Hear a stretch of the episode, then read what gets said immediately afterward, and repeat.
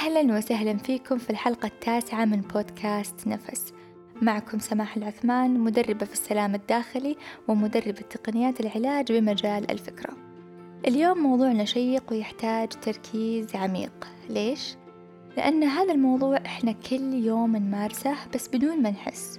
وأحيانا نمارسه من باب الفكاهة على أنفسنا بس للأسف ينعكس سلبا علينا. خذوا نفس عميق وخلونا نبدأ. خليني أسألك سؤال. إيش أكثر صفة تصف فيها نفسك أمام الآخرين؟ بسرعة لا تفكر كثير. أول كلمة جت ببالك هي الكلمة الصحيحة. إذا كانت الجملة إيجابية هنيئا لك. وإذا كانت سلبية وسع صدرك لأن اليوم بساعدك. بس قول لي إيش كانت الجملة؟ هل قالت أنا مفهية؟ أنا غبية؟ أنا ما أعرف أسوي شيء؟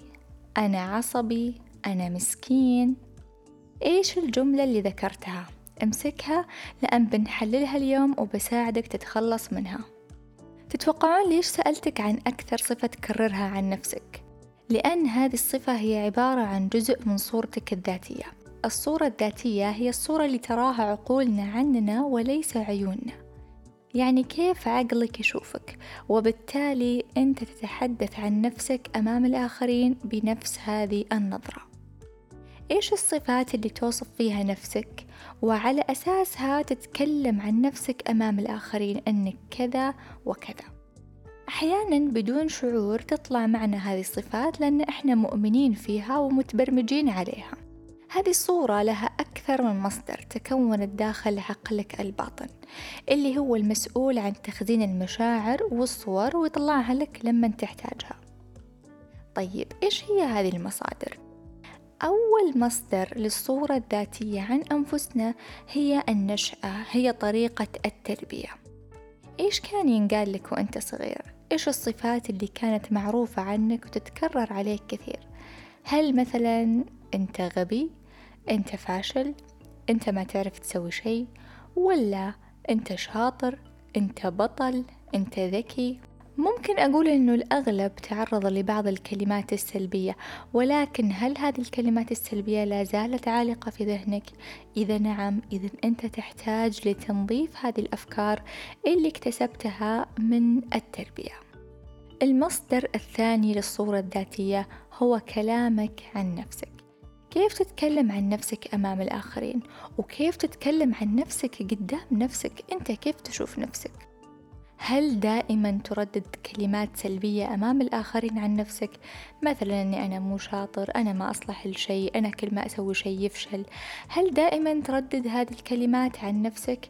إذا نعم انتبه لأنك أنت كذا قاعد تبرمج عقلك اللاواعي المصدر الثاني هو كيف أنت تتحدث عن نفسك أمام الآخرين وكيف تتحدث مع نفسك بينك وبين نفسك.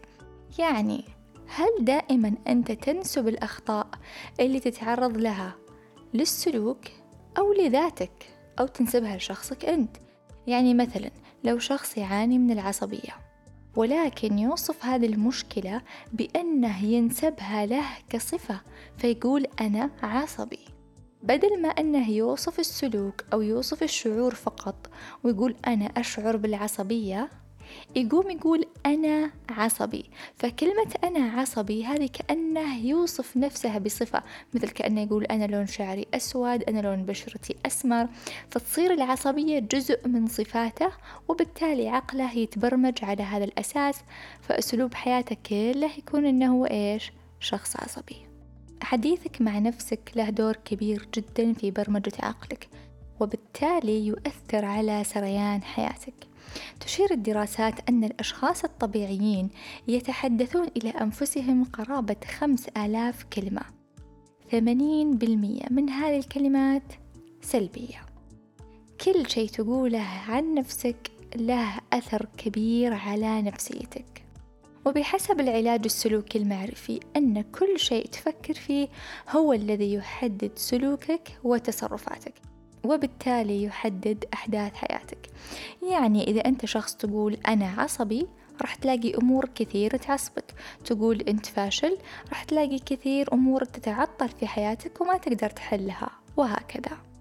المعلومة المهمة اللي أبيك تفهمها من حلقة اليوم أن كل كلمة إيجابية أو سلبية تتكلم فيها عن نفسك تتخزن في عقلك الباطن وعقلك الباطن هو المتحكم في أحداث حياتك فخليك ذكي وأعرف كيف تبرمجه بطريقة تخدمك وتساعدك طيب سماح وبالنسبة للكلمات اللي سمعناها وإحنا أطفال كيف نقدر نتخلص منها؟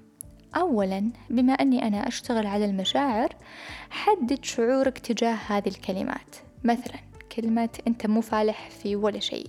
إيش مشاعرك تجاهها؟ عندك غضب، عندك خوف، عندك تأنيب، تردد، حدد مشاعرك تجاه الكلمة اللي انقالت لك وابدأ فرغ هذه المشاعر.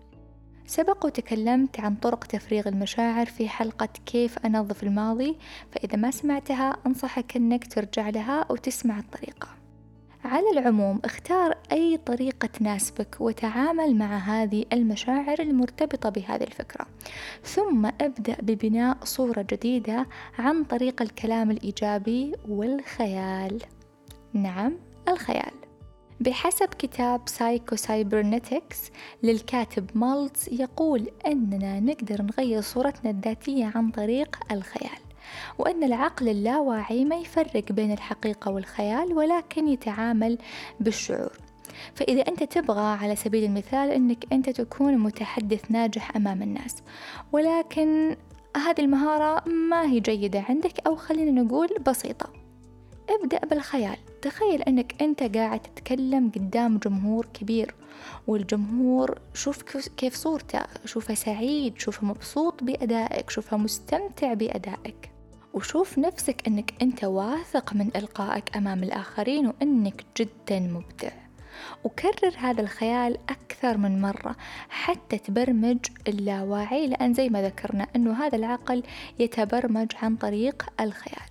وبنفس الوقت شوف إذا ظهرت عندك مخاوف تجاه هذه الفكرة مو غلط إنك تشتغل عليها وتنظفها. إذا إذا أنا عندي مشكلة أو عائق في حياتي يعيقني عن تحقيق أهدافي قد أكون أنا السبب. صورتي الذاتية عن نفسي هي السبب بس أنا غير واعي لها. لذلك احرص اليوم أنك تكتب الأشياء اللي متعطلة في حياتك.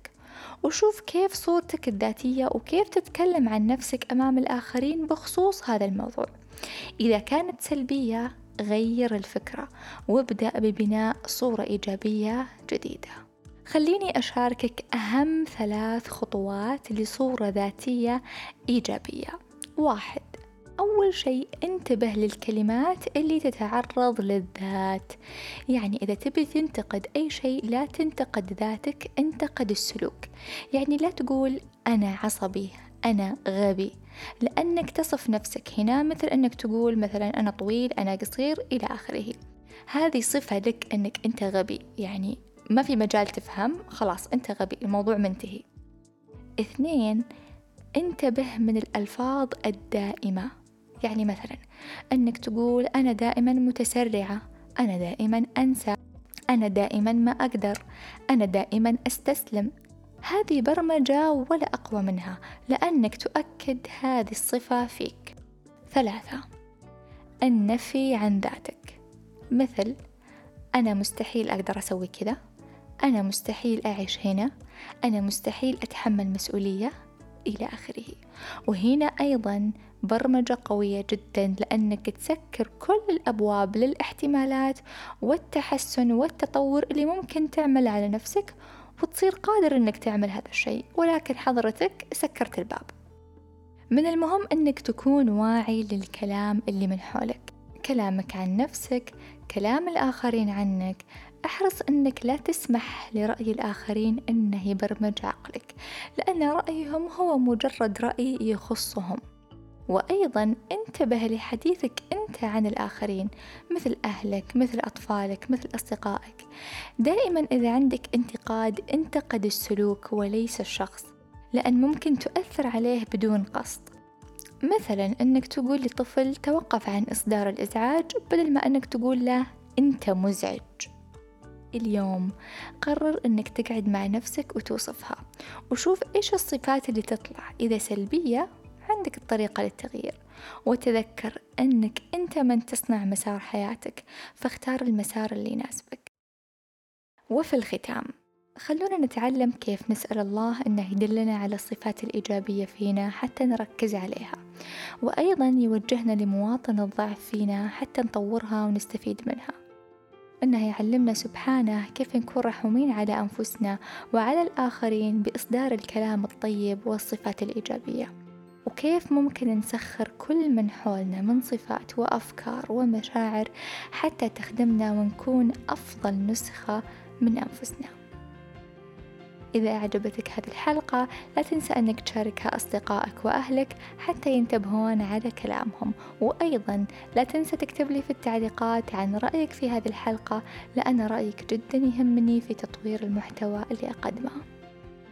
ألقاكم في الحلقة القادمة اللي عنوانها القبول مفتاح الوعي. في أمان الله.